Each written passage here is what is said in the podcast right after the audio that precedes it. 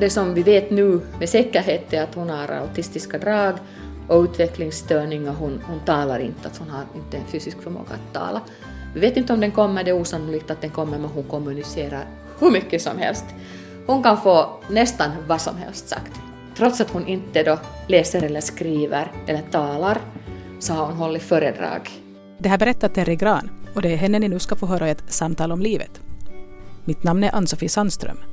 Forskning visar att anhörigvårdarna till autister och eh, utvecklingsstörda är konstant, alltså dygnet runt, veckan runt, året runt, på samma nivå som combat soldier, alltså en soldat i krig. Den stressnivån. Konstant. Terry Gran och jag är födda samma år, men i olika delar av landet. Och vi har aldrig egentligen känt varandra sådär på riktigt. Jag har diffusa minnen av henne från skolungdoms eller studentpolitiken i slutet av 70-talet. I något skede studerade vi också pedagogik samtidigt vid Helsingfors universitet. Seuraavana Espoo. I början av februari i år hade jag stämt träff med Terry för att få veta mer om vad hon har gjort de senaste decennierna. Jag ville också veta vad hon ägnar sig åt idag och varför. I tåget på väg till Grankulla försökte jag komma ihåg när vi senast hade setts. Jag kom på att det nog var när jag bodde i Spanien. Vi sågs på ett flygplan. Hon var passagerare och jag var flygvärdinna. Och då måste det ha varit för mer än 20 år sedan. Jag lyckas kliva av tåget på rätt station och jag hittar också utan större svårigheter den adress som Terry har gett mig. Hej! Hej! Länge sedan sist. Verkligen länge sedan. Jag lite tittat sådär att vad är det du hittar liksom. Sen så märkte jag då är det säkert ringt. Det är ovanligt för mig att göra en inspelning tidigt på morgonen. Men det finns tider att passa så det gäller att försöka komma igång. Det där, stör den där fläkten. Det där ljudet som du hör hela tiden.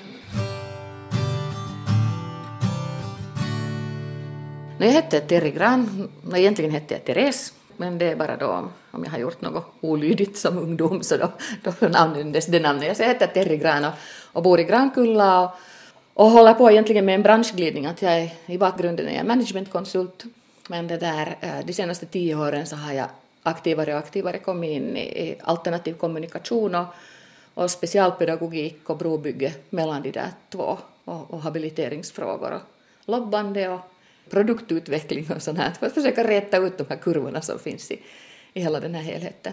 Jag är sakkunnig i de här frågorna, jag är sakkunnig på basen av min utbildning, jag är sakkunnig på basen av mina erfarenheter och så vidare, men det är hemskt lätt att klassificera sig som mamma. Jag är det också. Och egentligen tycker jag att jag har som en trippelkompetens för att jag har fusionerat flera yrken i ett och sen så lobbar jag, sen så är jag också mamma. Men det får man inte vara, man måste vara... Nej, då är man bara mamma. Det, det är en sån här försvarsmekanism på något sätt inom det här. Den är så komplicerad den här habiliteringen när ingen ansvarar för den.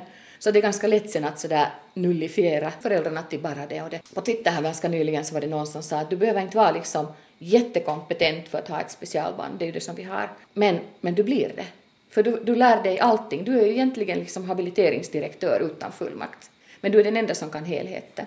Jag skulle vilja vända på steken och säga att, att, att vi skulle ha massor att ge.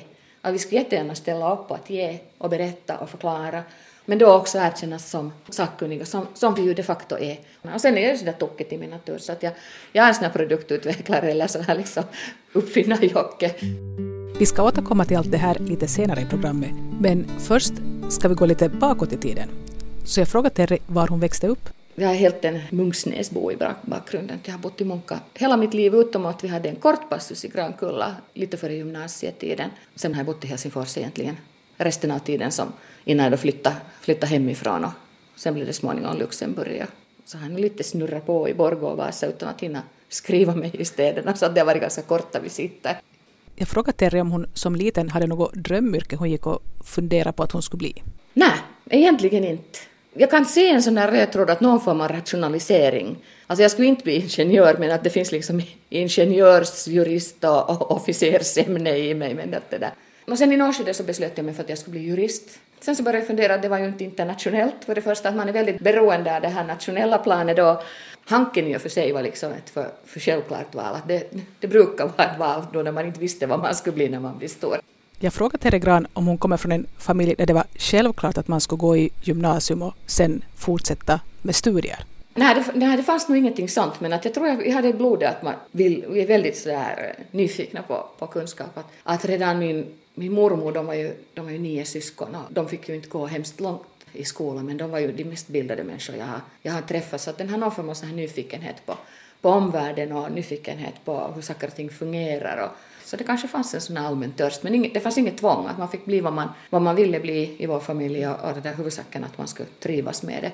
Farfar till exempel var entreprenör och han var faktiskt entreprenör. Att när han var 16 så började han på Fiskars och rationalisera. Istället för att göra en kniv i taget så gjorde han hundra skaft och hundra blad och hundra det ena och det andra eller ett dussin och sånt här och sätta ihop dem och, och lärde sig engelska genom att läsa Buffalo Bill. Det var det enda som fanns då för tiden. Tänk att någon liksom är så intresserad av, av någonting att han förberedde sig för att flytta till Amerika och det gjorde han flyttade till Amerika, var i Kanada, jobbade vid någon fabrik i Ryssland och sen småningom så började han som VD för olika, flera företag på en gång. Så det finns i blodet att vi är lite vi är lite sådär uppfinnar-Jocke och Pippi Långstrump också, och Lilla My brukar jag kallas som liten. Det, det finns en ganska stark vilja i mig också, eller målmedvetenhet. När jag berättade där hemma att jag skulle träffa Terry Gran så frågade den mera idrottsintresserade halvan av vårt hushåll att aj, är det hon den där simmaren? Jag sa, jag vet inte, men jag kan fråga. Och jo, Terry Gran har varit landslagssimmare. Jag lärde mig simma när jag var tre år gammal. Både min mamma Rut Strömsholm och, och min pappa Helmer Gran, så de kom båda från klaner som, som simma. Tävlingssimmare? Ja, tävlingssimmare. De träffades i det sammanhanget. Pappa föll för mamma just därför att han ville ha en ready flicka, en sån där som, som är liksom skojig och självständig och trevlig och sånt här, och inte någon knähund, för det lär också ha funnits en väldigt osjälvständiga flickebarn där som var kanske mera sådär bara söta men sen simningen kommer faktiskt från båda hållen. Var det sådär på hög nivå liksom? Ja. Men, du... men det har aldrig, alltså det var inte någon självklarhet att vi skulle börja simma. Det bara blev så. Det som jag kan säga med gott samvete är att, att hon är en av de få föräldrarna inom både lagidrotter och, och simningen då på 60-talet som det där aldrig har försökt eh, leva upp till sina egna förväntningar på sitt liv genom sina barn. Det hade aldrig varit för oss. Vi har tränat väldigt målmedvetet. Men dina syskon alla. Också. Vi är födda liksom mellan 50 och 59. Jag är skrapabullan. Jag kommer liksom då fem och ett halvt år efter föregående. De kom alla sådär tripp, trapp, trull. Sen så kom ni var fyra stycken och alla simma? Ja. Mest begåvade var mina bröder, men längst kom jag eftersom jag började ju då tidigare i och med att jag började några år efter dem och så då hann jag ju hålla på en längre tid. Plötsligt kommer jag att tänka på att Terry Gran i något skede när vi pratade i telefon nämnde att hon hade haft polio som liten. Ja, alltså det... Alltså, hur går det ihop med simning? Har, har haft eller, eller liksom egentligen kon konkret så har jag ju det. Jag är född alltså tre år efter det som polion var utrotad i Finland så det var jättesvårt att, att när jag var baby och när jag försökte lyfta på mitt huvud så lär jag ha blivit kritvit i ansiktet och fullständigt kallsvettig och liksom fullständigt slut av att försöka röra på mig som riktigt liten. Och föräldrarna sprang runt till olika läkare och sen, sen småningom när man börjar se effekterna av polio, att jag har opar ben och fötter lite, så då, då kom man ju på vad det var. Men alltså man kan ju säga så här med facit i hand att jag hade ju en jättegod tur, för polion kan ju så att säga sträcka sig ända upp så att man till slut ligger i respirator. Det har ju då inte hänt mig. Och tvärtom så, så har jag faktiskt blivit föremål för en vetenskaplig artikel från professorns sida för att det där längdskillnaden i benet minska och det brukade ändå inte göra när jag växte för att, tack vare simningen. Och sen har jag ju förstås under simmarkarriären och skoltiden så har jag varit med om ganska många olika operationer så att det var inte så farligt, det var egentligen värst var det där när de försökte kämpa bort när Jag försökte fråga på riktigt att hur blir jag nedsövd? Så sa de att de kommer att slå mig med en klubba i huvudet. Och jag tyckte att, att det där sättet att kämpa bort det så var ju inte alls så jättelustigt egentligen, för det väckte ju mycket mera oj då, vad, vad månne händer? Nu visste jag ju att de, de skrattade, för de skrattade ju så hjärtligt när de, man märkte att det var en vits. Men det, där, men det var ju lite onödigt att säga det i alla fall på det sättet. Men det där, Nej, jag har alltid repat mig bra från det och framförallt så har de kommit ibland och sagt att, att vi måste lugna oss för att det, det hänger ju ett sånt apträd, sån trapets där ovanför sängen och jag har knappt vaknat från operationen före det var liksom så push-ups där och olika så gymnastikrörelser så att det där. Och det ser jag nu i min dotter när jag en gång var på sjukhus eller egentligen inte kunde vara på sjukhus men gick sådär polikliniskt på sjukhus och hade henne med mig så då hängde hon ju från knäna i apträdet på invavässan. Så att det där. Men det, det har ju kanske mer varit, jag haltar lite, jag går lite asymmetriskt och sånt här, men och jag har dålig balans. Och den har kanske inte blivit bättre nu när man har ett specialbarn, för jag konkar ganska mycket på henne och sånt här. Men, men jag går i fysioterapi och, och försöker klara det bra, det går ganska bra. Men att för mig är den mer en, en sån här sak som jag tror att den på sikt har gett mig bara långsiktighet och sån här mm, kämpaglöd och, och lite mera än sån här fan anamma om man får använda franska på det där sättet. Polion tycks inte heller ha hindrat Terry från att bli en jättebra simmare. Nej, jag tror att det egentligen... Förstås, det finns olika fibrer också i musklerna så att jag är långdistansare. Jag simmar sånt som man sparkar lite mindre i och jag är, jag är en kratta på bröstsim så vi var några i landslaget som blev varvade av de andra om vi skulle ligga och sparka men det var ju inte så farligt för att jag var bra på armdrag och jag var liksom usel på, på att sparka men sen när det gällde att kombinera dem så då gick det ju ganska bra. Men jag var faktiskt liksom jag var som ett trögdjur på det sättet att när jag simmade 800 meter så var alltid den sista 400 metern, den sista 200 metern så var snabbare än de tidigare. Utom i stafett att jag har alltid varit ett sånt här uh, lagdjur på det sättet att, att jag brukar vara ankare i såna stafetter, de är då 100 meter, det är en sprintersträcka i simning. Då brukar det hända såna underverk att jag simmar liksom 5-6 sekunder snabbare än mitt rekord. När det gäller att, att tänja sig för helheten så då, det är en av mina styrkor. Och när slutade du med simningen då? När jag slutade ungefär 76, alltså under gymnasietiden. Sen skulle jag bli opererad en gång till och då tyckte jag småningom att nu, nu räcker det. Jag frågade Terry vad hon satte all den energin på då, när hon slutade träna så intensivt. Nå, småningom så blev det ju det här studentlivet och sånt här. Alltså det, var, vi ersatte ju inte varandra och inte hade det ju saknats det heller. Men vi, vi var ganska disciplinerade.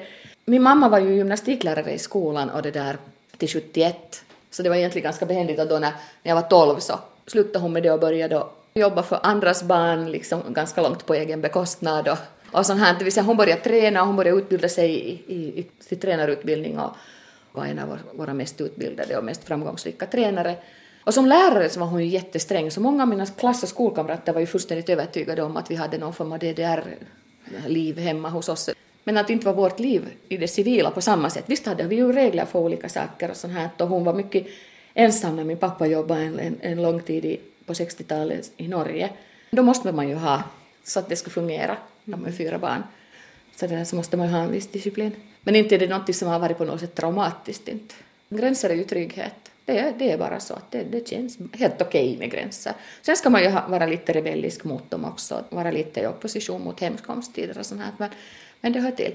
Och du var lite i opposition, men inte så hemskt mycket då eller? Inte så jättemycket, inte under den tiden jag simmade. Vi var väldigt så här målmedvetna då, jag tyckte det var ganska roligt att, att syssla med det och så här. Och egentligen kan man väl säga att min mamma hämtade in resultatstyrningen långt innan några av de här ekonomiska gubbarna skrev litteratur om det, för vi hade planeringssamtal i augusti när säsongen började, eh, augusti-september månadsskiftet, när säsongen började efter sommarens tävlingar. Och då diskuterade vi vad vi ville nå under följande år och sen så deriverade vi ju det vad det skulle kräva av oss och, om vi var villiga att satsa på det sättet, så då var hon villig att satsa. Men om vi tyckte att, att, att det var hennes ansvar att, att vi blev bra, men att vi själva kunde göra någonting annat, så då, då var det ju inte så aktuellt att fortsätta, fortsätta på det sättet.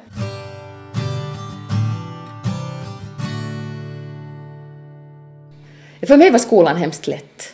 Några säger att, till exempel i idrotten, att, att om man har dåliga betyg så, så ska man då sluta med idrotten. Och ofta brukar det gå definitivt sämre för då börjar man hänga på barer och sånt här. Att vi lärde oss att organisera vårt liv, så egentligen så grund i att bli så här rationell så kommer från den här idrotten. För att man, om man simmar sex på morgonen och går, sen går, går till skolan och sen tränar efteråt, tävlar på veckosluten och sånt här, så det, det är en livsstil.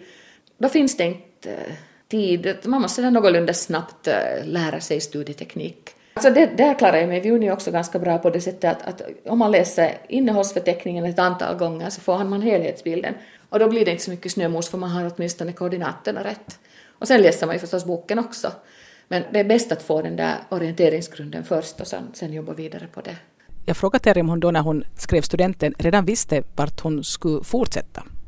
Nej, jag, jag funderar på att följa min bror i spåren och bli jurist, men, men det, var då, det var då innan jag kom att tänka på att det faktiskt är väldigt nationellt. Och, så vad valde du? Och sen så blev det sjukis för att det, det var då det här internationella, något som man kunde falla tillbaka på. Jag hade den där tanken om att jag skulle flytta utomlands någon gång säkert. Och då, då kunde det ju vara bra att ha något som var gångbart på alla ställen. Och också ge en tid att fundera vad man skulle bli när man blir stor. Det var helt, framförallt var det en rolig studietid att vi, hade, vi ledde ju loppan också och hade ganska skojigt. Och det var under Kati Erikssons tid så det var ju väldigt mycket så här pedagogik och beslutsteori och sånt. Under den tiden växt, eller redan hade, hade den här vårdvetenskapen börjat växa fram. Jobbar du någonsin som helt vanlig sjuksköterska? Ja, jag jobbar alltså jag jobbar inom jourpoliklinik och intensiv och jag jobbar sen senare, senare som ansvarig liksom inom för arbetspass inom intensiven. Men då, då studerar jag ju samtidigt vid Uni vad allt studerar hon där då? Alltså jag har varit vid statsvetenskapliga, jag har studerat pedagogik, jag har studerat olika beteendevetenskaper, jag har studerat sociologi. Jag, jag har någon gång sagt i tiderna, då när jag studerade vid Uni så tyckte jag att tänk om en sån här filmag eller liknande examen skulle vara uppbyggd som juriststudierna då, att det skulle vara 14 miniapror och en kum, så det skulle vara liksom smörgåsbordet för mig. Ja, jag läste ganska mycket extra. Alltså nationalekonomi, statistik och sånt här fanns med i den här blandningen. Jag frågade Terry i vilket skede av livet hon träffade en man som senare blev hennes man. Och det var inom ungdomspolitiken. Ja, det var så pass länge sedan då? Så det var, det var innan jag kom till Sparbanksgruppen där både han och min blivande svärfar fanns. Men vi möttes faktiskt under alla dessa år. Jag jobbade, jag jobbade kanske en sex år eller något sånt här inom Sparbanksgruppen. Så min man har jag träffat en gång å tjänstens vägnar och det där svärfar träffade jag också en gång. Det var en tillräckligt stor grupp och det var, det var en tillräckligt, vi hade tillräckligt olika typer av befattning så det där, vi möttes inte egentligen. Terry Gran nämnde i början av programmet att hon också har bott i Luxemburg, så när var det då? Oj, det, det kom, om vi, om vi repeterar på något sätt, jag, jag studerade vid, vid sjukis och sen så, sen så började jag jobba inom sjukhus och studerade jag samtidigt vid universitetet. Sen jobbade Terry också som lärare på sjukis. Sen jobbade jag i olika rater med det och ibland så, så vikarierade jag också en som, som höll på med de här universitetsämnena eftersom jag då var vid uni. Och därifrån slank jag vidare till att börja med personalutvecklingsfrågor inom det här sjukhusdistriktet då, eller sjukvårdsdistriktet. Sen så gled jag då över eftersom graden var på hälft och graden blev färdig under, under sjukhustiden och sen blev det då Sparbanksgruppen. Och där hann jag då uppleva liksom både uppgång och, och rasaväxel och, och nedgång och saneringsronder. Och. I något skede hade Terry Gran också skaffat sig en MBA-examen. Ja, vid sidan om jobbet. Och, och det var faktiskt det var, det var en jättebra utbildning. Det var krävande, men det säger jag ju inte nej till. Och jag, jag ville ha det. Att jag vet inte om, om, om jag skulle ha vänt mig till Caymanöarna så skulle jag kunna köpa det här diplomet någonstans ifrån, men det var ju inte det jag ville ha. Vad hände sen då? Jag var på NPS-bolagen äh, ett par år och hela tiden så fanns ju nog den här, att jag, jag, jag har alltid brunnit för de här businesskoncepterna mera, så sen, sen, sen fanns det i, i Finland ett, ett medelstort konsultbolag som var landets bästa i, eller ledande i, i strategifrågor, det hette Sami, alltså Matti Lainemaa och sån han ägde och drog. Och sen det där, då när jag hade blivit färdig med MBA så då, då var jag intresserad av det här internationella det som jag nu egentligen skulle ha sjuksköterska i bakgrunden. Jag skulle någon gång utomlands så då, då var det liksom tal om olika jobb i Danmark och i Holland och någonting var i Belgien. Och då var min man kvar i det som efter bankkrisen då kallades Sparbanken i Finland, man fusionerade ju en stor del av bankerna. Och sen så spjälktes den och han hamnade då i KOP men, men han blev då kommenderad till Borgo, så det var lite antiklimax mot mina tankar att flytta då till det som vi i Finland tenderar att kalla Europa som om vi inte skulle höra dit själv. Och det, där, det var nog ganska snöpligt. Sen så flyttade min man och började jobba i Hagalund och, och vi bodde då i Hagalund också och jag jobbade vidare. Och vi hade en brytningsperiod när vi höll på att börja sälja vår konsultfirma som jag inte var delägare i. Men vi visste att vi sökte en samarbets... Att vi hade kommit den liksom till slut den nationella vägen, att nu antingen måste vi då... Vi måste bli större på något sätt för att kunna ha trovärdiga projekt utomlands också. Och banken har en egenhet och det är det att de har en personalpolitik som betyder att, att, att familjerna har alltid liksom, ta nu hela veckoslutet på er och fundera på det här beslutet. Och så återkommer ni på måndag. Så en fredag blev han uppringd, min man, och det där, skulle du vara intresserad av att bli kandidat för ett internationellt uppdrag? Det, det, var då på fredag eftermiddag, så vi träffades nästan genast efter det och då, då sa jag att, att yes, du går på måndag på det där mötet och anmäler dig till kandidat för att det där, det kan ju bara vara New York, London, Luxemburg eller Singapore och dit far vi. Och jag tänkte igen att jag har ju den här sjukvårdsbakgrunden, jag har management consulting bakgrunden. Det tänkte jag redan inom de här saneringsperioderna inom bankvärlden också, att jag har ju, jag har ju liksom lyckan i att ha så många ben att stå på. Så att jag kommer ändå att landa på fötterna på något sätt. Och det där, jag fortsatte med management consulting när vi flyttade. Det blev, visade sig att det var Luxemburg och det var ju såhär mais oui. Vi kunde ju ingen franska. Men det var jätteintressant och jag fortsatte att jobba. Och alltså vem jobbar du för i Luxemburg? Jag, dels jobbade jag för den, den som jag, det företag som jag, hade, okay. som jag hade lämnat. Vi ja. fusionerade sen, det är det som nu heter Capgemini, men där har jag inte jobbat. Vi hade en tid, en mellanperiod som, som vi hette Sami Ernst Young Management Consulting och, och jag jobbade för dem och sen i något skede så i Luxemburg så grundade jag eget. Jag beslöt mig från början att, att jag kommer inte att umgås i det som, som man så allmänt kallar för skandigetto. Att det är ju ingen idé att flytta utomlands för att umgås bara med finländare eller eventuellt skandinaver. Så gjorde britterna, de var alltid alla i en samlad hög och rörde sig i klick. Och ganska mycket finnar var också tillsammans, så de använde tiden till att liksom bara jomsa över hur annorlunda och hur fel det där landet är. Luxemburg är ett jätteintressant land, det är litet, det är ju liksom, det är lika många som finlandssvenskarna. I princip var det, var det svårt, ansågs det, att bli bekant med luxemburgarna därför att grannarna, de tyckte ju, ur deras synvinkel var det ju så att grannarna byttes var tredje eller femte år, att det var kanske inte värt att bli det, men vi hade jättegod tur. Och det var då som jag också sen efter några år kom på, eller först märkte jag att herregud, att här, här finns en här mastersverksamhet, och masters i idrotten är alltså det här som förr kallades för ikämiehet, eller liksom att, att man skulle vara tillräckligt gammal att det är inte liksom att man behöver inte vara någon mästare från tidigare. Och i mastersimningen så jag tog kontakt med dem och så tänkte jag att nu ska jag börja simträna där och, och liksom umgås med dem på det sättet för då ska man ju komma in i det här luxemburgska livet och hela det här europeiska utbytet och så vidare. Det, det lustiga är att jag sim, i det luxemburgska landslaget också. nu, alltså det här masterslandslaget men i alla fall jag var 2000 i, i VM i München och det var, det var ganska intressant det var också något sånt att vi gjorde det liksom å ena sidan så där ganska på allvar men å andra sidan så, så kunde man ju nog gå på en öl efteråt och sånt att det var ju inte på det sättet, det var det ju allvar allvar, det var, det var bara på, på ett roligt sätt allvar. Och det där mådde ju gott av det av de här kontakterna vid sidan om jobbet. Småningom, Hur många år var ni där sammanlagt? Jag var lite längre tid än min man för att det där, han var kanske fem och ett halvt då och jag var ju i praktiken sju, sju och ett halvt så där skriven där och sånt det var ett lustigt sammanträffande att en dag blev jag uppringd av en person som undrade om jag var intresserad av ett, av ett chefsjobb som, som fanns i Vasa. Jag var så att oj, ja, hmm, det var ganska intressant att fundera på det här. Och så skulle jag föra min, min man till flygfältet när han skulle fara till Singapore. Och så sa han att jag såg, i, jag såg på nätet att vi hade någonting öppet i Vasa, så var så att vi hade inte hunnit berätta att jag hade blivit uppringd. Och sen när han landade i Singapore så hade en högre direktör ringt till honom och, och ville ha liksom audiens med honom. Och då sa han, men det gäller säkert det här som han hade sett. Men det visade sig vara en tredje position.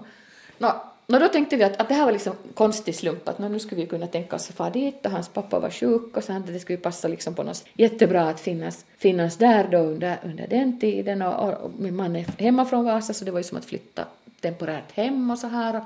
Och, kunde du tänka dig att lämna Luxemburg? Var du... Nej. och, och ju längre jag blev där sen på egen hand så alltså, det var jättesvårt att komma tillbaka. Alltså man, de flesta människor är förberedda på kulturskillnaderna när man flyttar någonstans. Sen skulle man ju gärna behöva lite av tid för att komma tillbaka, att man skulle veta om det. Att det, det där med att man diskuterar någonting en fredag och säger att kan ni svara på en måndag, så det fortsatte. Och, och det ställer ju ganska mycket extra krav på familjen, att plötsligt ska man vara som en ambassadörshustru, att man ska bara, liksom, eller diplomathustru, bara hänga med, anses det. Och det är lite gammaldags. Men det där, vi hade ju haft faktiskt kontakt med Finland hela tiden, jag hade också konsulterat i riktning Finland.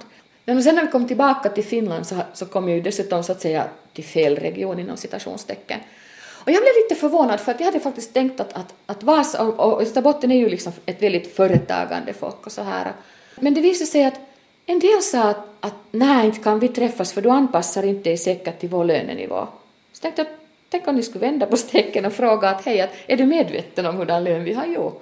Är du accepterad? Ja, för att i Luxemburg förtjänar man på ett sätt, i Finland på ett annat sätt. Så var det enda som sa, inte lönar det sig ens för oss att träffas, att det där, du kan säkert inte anpassa dig till våra vanor. Så tänkte jag, ursäkta, vi äter ju faktiskt yoghurt och gröt på morgonen, att inte har vi foie gras och champagne och sånt här. Liksom att, att helt vanliga människor är vi ju liksom så här. Så det där, nej, nej. Så när kom då Gran tillbaka från Luxemburg? Nå, så där glidande med start 2002. Och då var, det, då var det så i princip Vasa som gällde. Jag hade jobbat med consulting åt det hållet för, för att det där just lagligt vara också delvis i landet. Men jag var nog på väg att börja jobba i Helsingfors men sen så blev det upp och ner igen att då kom den här snabba personalpolitiken på det sättet att jag blev ensam i Vasa med, med en dotter och min man flyttade till Helsingfors.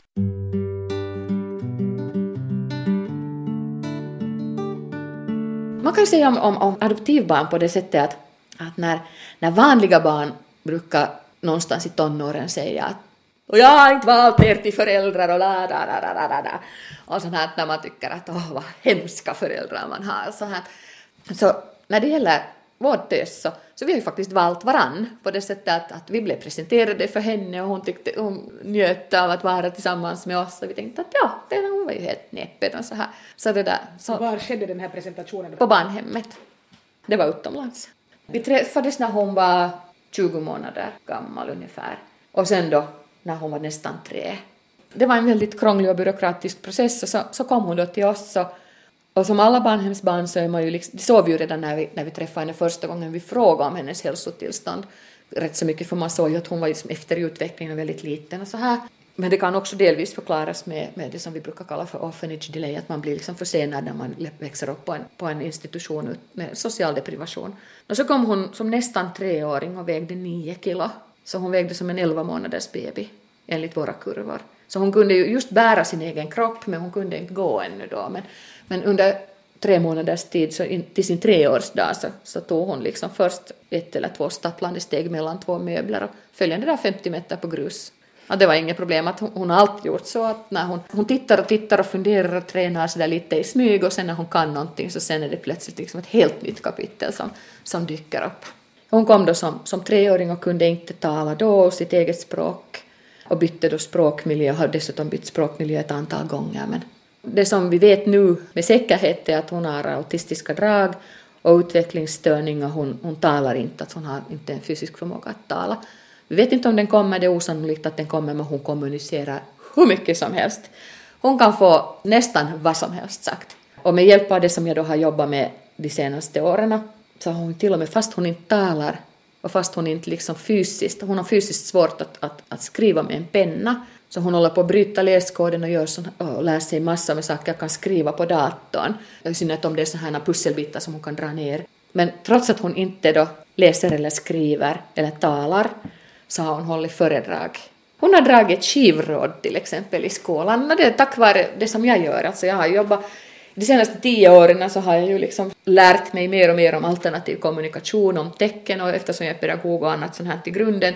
Och egentligen allt som jag har gjort i hela mitt liv så har mer eller mindre bidragit till den tvärvetenskapliga kompetens jag har just nu när det gäller habilitering, det som jag kallar för AKK, specialpedagogik, som är någonting som jag har hittat på själv.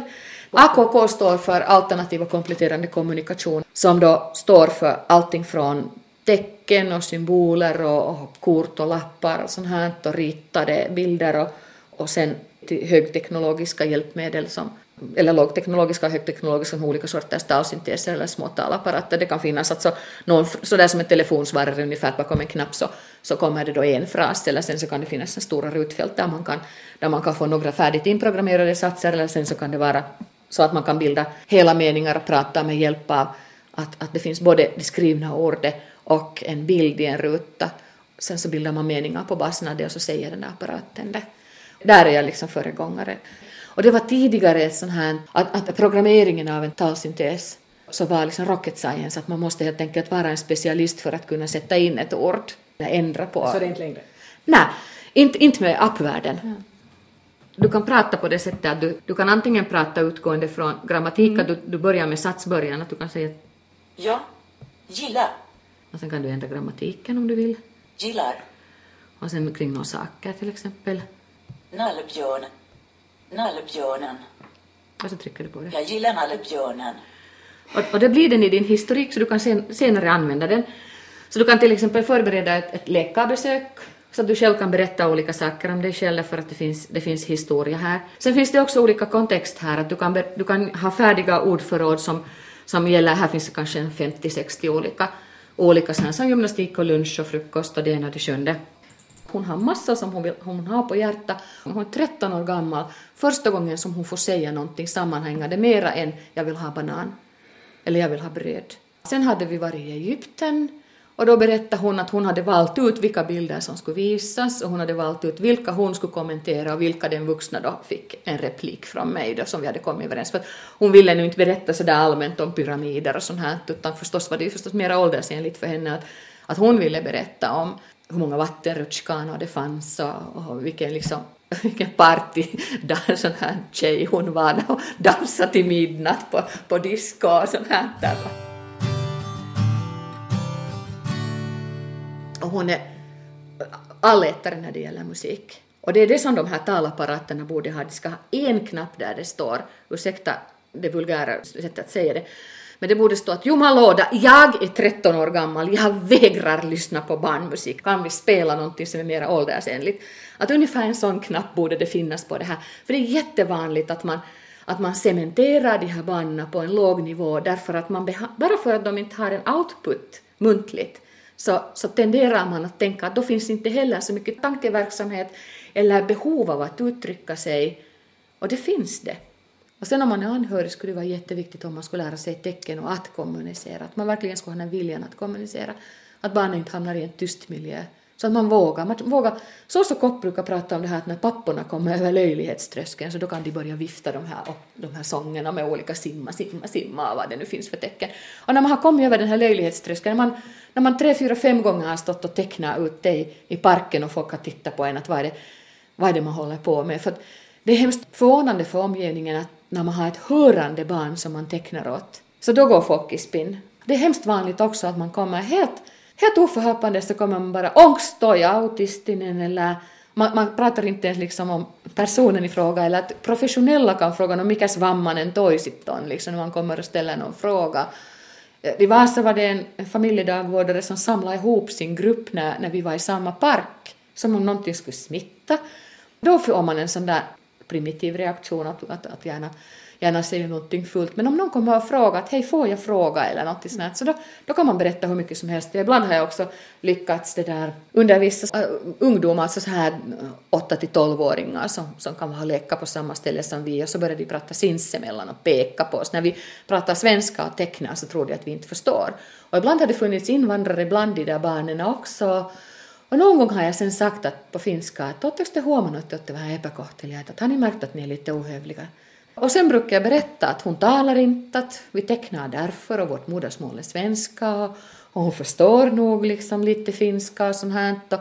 Och, några gånger har jag frågat barn till exempel med somalisk bakgrund att, att har ni inte upplevt lite samma sak? Att folk har tittat snett på er och kanske sagt något fult. Att, att det skulle inte vara jätte, jätteklokt om man skulle kunna undvika det själv, att sen föra det vidare på någon annan. Och nu, har, nu är vi liksom sådär hej du och hälsar på varandra och det, man pratar bra i de här parkerna sen med, med dem, att, att man kan med enkla medel vända folks eh, attityder också. Jag är en sån här uppfinnarjocke som har dessutom haft förmånen att använda mitt marknadsföringskunnande så att jag har tiggt till mig olika saker. Så att jag, jag brukar få en hel del olika program och så en hel del produktutveckling har skett och jag, jag jobbar sådär 80 timmar i, i veckan.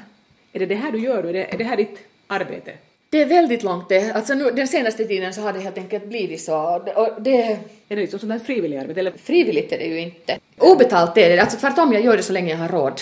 Jag frågade Terry om hon sen de fick sin dotter har kunnat jobba med det som hon gjorde tidigare. Eh, jag har försökt, men det är kanske det som är nackdelen med, med vår habilitering i Finland, att den är det där, att den är så hemskt splittrad. Att vi har liksom inte en luckeprincip utan vi har fler luckeprincip. Vi har egentligen fler lucketiggande. De flesta känner ju till hälsovårdssystemet och det funkar i Finland ju i snitt jättebra. Och sen så vet man ju att åldringar och handikappade eller funktionshindrade, att de skyddas sen ytterligare av en, en bra lagstiftning. Men det som man inte vet är att den lagstiftningen inte tillämpas. Och man kan ju säga så att det finns ju ingen som är, ingen är elak, ingen är lat, men det är så fruktansvärt splittrat att den enda som kan helheten men, som är, men samtidigt råkar vara utan eh, fullmakter, så det är den här familjen. Och de flesta är, är specialister på någonting och om familjerna börjar kunna för mycket så upplevs det lätt som ett hot och då blir man stämplad som kärring och, och som besvärlig, oj nej, nu ringer den där igen. Man. Tyvärr så funkar det så att det funkar ofta bättre om en man råkar ringa upp, men det är, det är ju bara en procent av de här ungefär som, jag känner en man som jobbar som mer eller mindre heltid som att vara, vara anhörigvårdare. Är du officiellt nu anhörigvårdare? Det har jag varit en tid, en tid nu, ja. Och det är inte riktigt så som Terry Gran skulle vilja att det skulle vara. Vi bor i landets rikaste kommun.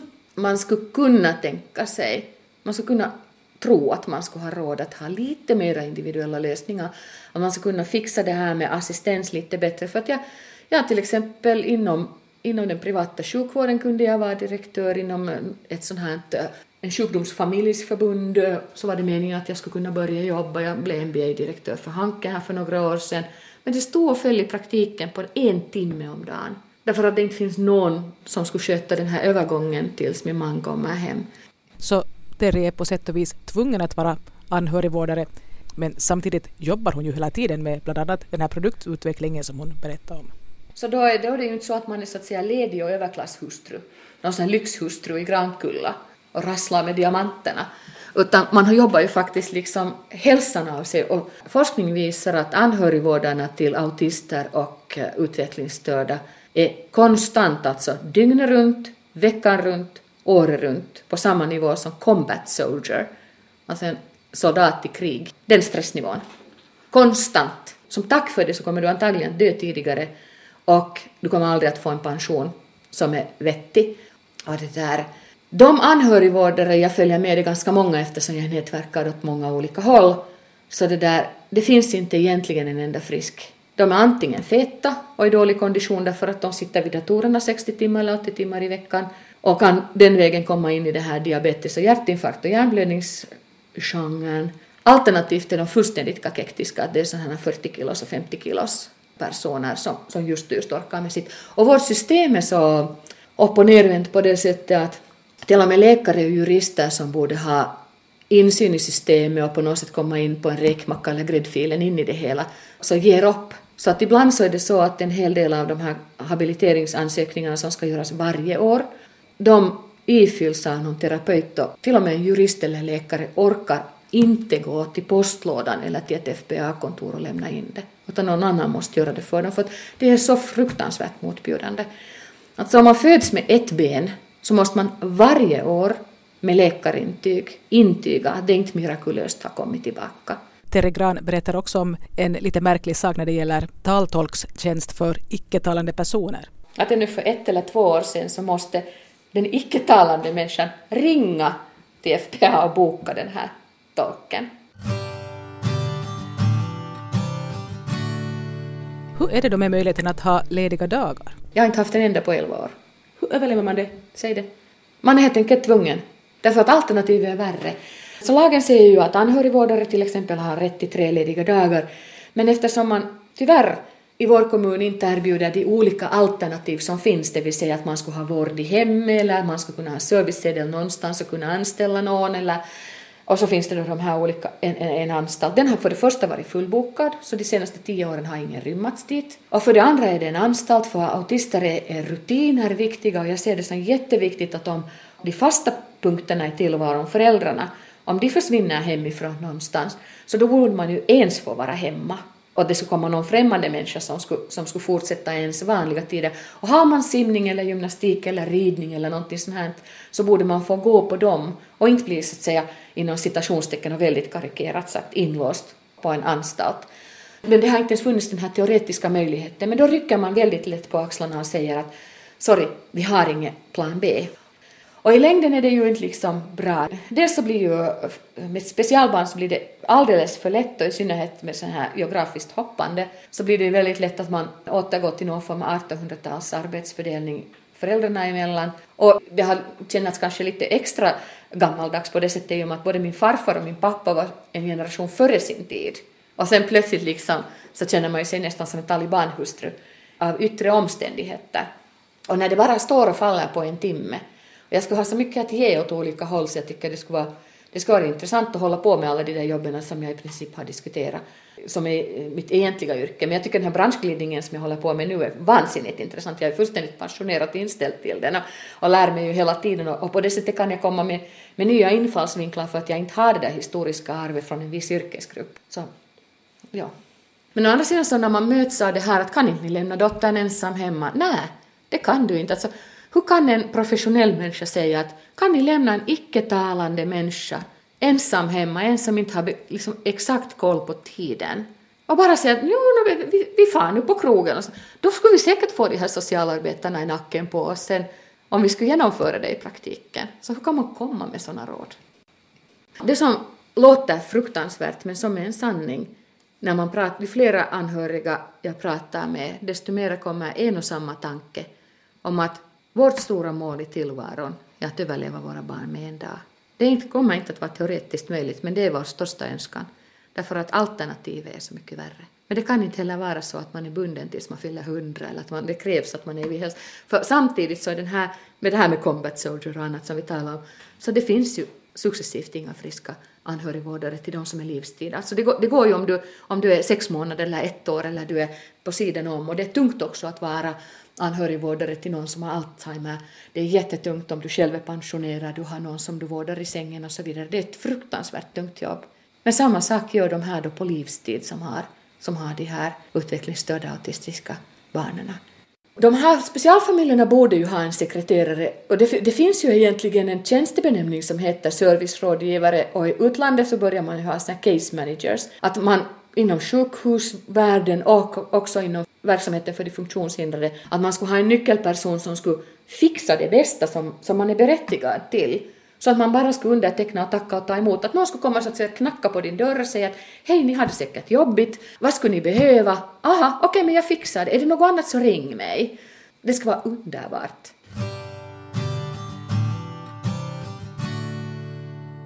Hade du någon aning om när ni då valde att ni skulle bli föräldrar, att det skulle ändra ditt liv så himla mycket som det har gjort? Nej, därför att det där, allt som man säger på de här barnhemmen stämmer inte.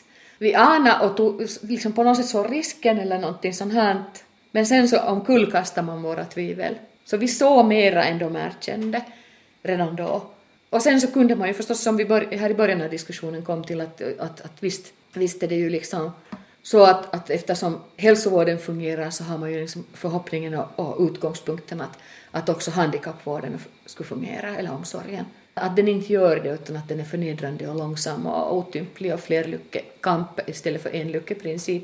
Så visst kommer det som en väldigt negativ överraskning. Och den kommer just som en sån arbetsbelastning, en sån här fullständigt onödig stress som man inte skulle behöva. Så att om man skulle kunna rätta ut de där kurvorna och liksom med enkla medel få jättemycket hävstångseffekt och dessutom också få det socialarbetet till exempel att, att kännas mycket mer stimulerande och, och roligt. Istället för att liksom, kanske, kanske socialarbetarna i alla kommuner också är så livrädda varje gång telefonen ringer att nu ringer någon av de där kärringarna igen. Så att, att man inte skulle måste liksom hålla på och hota eller, eller processa sig till rättigheter. Att kommunerna räknar helt, helt liksom lugnt med att folk orkar inte besvära sig eller söka rättelse eller gå till domstol. Och det stämmer, det orkar de inte heller. Och då går de här barnen miste om ännu mera. Så det är de som lider förstås? De som är det är de som lider mest och sen också föräldrarna som inser ja. vad man har gått miste om. Det skulle vara jätteroligt att och liksom ha en lite mer formell position för att det där, det krävs den här, den här företagsverksamheten i bakgrunden att göra sig, sig hörd som bara mamma, en liten dum mamma, någon sån där som nu finns där i Grankulla och leker lyxhustru. Men det är också samtidigt en anomali, för många är det jättesvårt att tänka sig att någon är hörande och så tecknar man och samtidigt är det också en anomali att det går inte ihop att det skulle finnas någon i Grankulla som skulle behöva hjälp.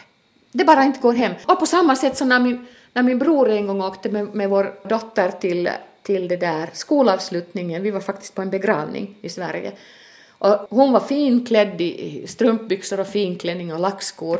Och så, så stod min bror och betalade med det här det här handikappkortet och, och stämpla och fröken gick då och, och, i rusningsbussen från Töle till Mejlands och hängde från knäna i den här stången som man kan hålla i där uppe mm.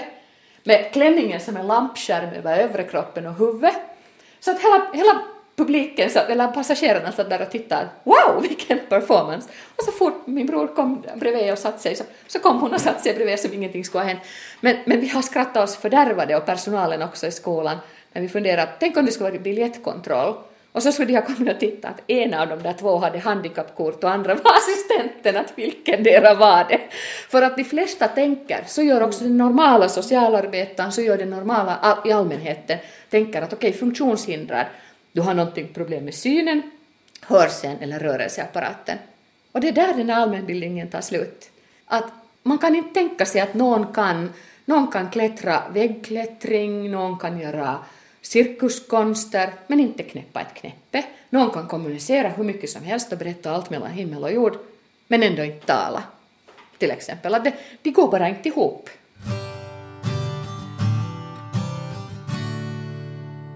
Det var, det var ju liksom inte meningen att man ska bli någon form av... Det var ju meningen att, att, att all den här kunskapen ska utnyttjas till det allmännas bästa, att jag ska vara en god samhällsmedborgare, jag ska vara en som betalar skatt, en som förtjänar lagom mycket. Alltså jag, så det är ju inte liksom pengarna som det är frågan men det är det där, det där vuxenlivet och vuxenkontakten, det är fruktansvärt ensam och jag är ganska, ganska utåtriktad och ganska talför. Märker det. så det där. Men, men den här arbetsgemenskapen skulle behövas, för skulle vi vara några nyckelpersoner ihop så skulle vi kunna göra Alltså vi skulle bilda en, en någorlunda ny enhet, några nyckelpersoner, så skulle vi kunna sätta sprätt på den här AKK specialpedagogiken. Visst har jag lust att kasta ut datorn ibland och visst har jag lust att bara gallskrika. och sånt. Och visst finns det stunder när jag tycker att det, det är fullständigt eh, uh, orättvist att min man är på vad jag kallar för pappadagis medan, medan jag själv drar det här lasset, att det är en hemskt ojämn arbetsfördelning i praktiken. Men samtidigt är det ju en så underbar resa. Att det, jag skulle ju inte vara så här klok och jag skulle inte vara så här mogen, jag skulle inte vara så här produktiv i många saker. Jag skulle aldrig ha lärt mig vissa av de här sakerna om inte vi skulle ha just den här lilla tösen. Den här personligheten som man skulle önska liksom allting gott och som man vet vad hennes alternativ skulle ha varit om hon skulle ha fortsatt på barnhemmet. Det här var ett samtal om livet med Terry Gran i Grankulla. Mitt namn är Ann-Sofie Sandström.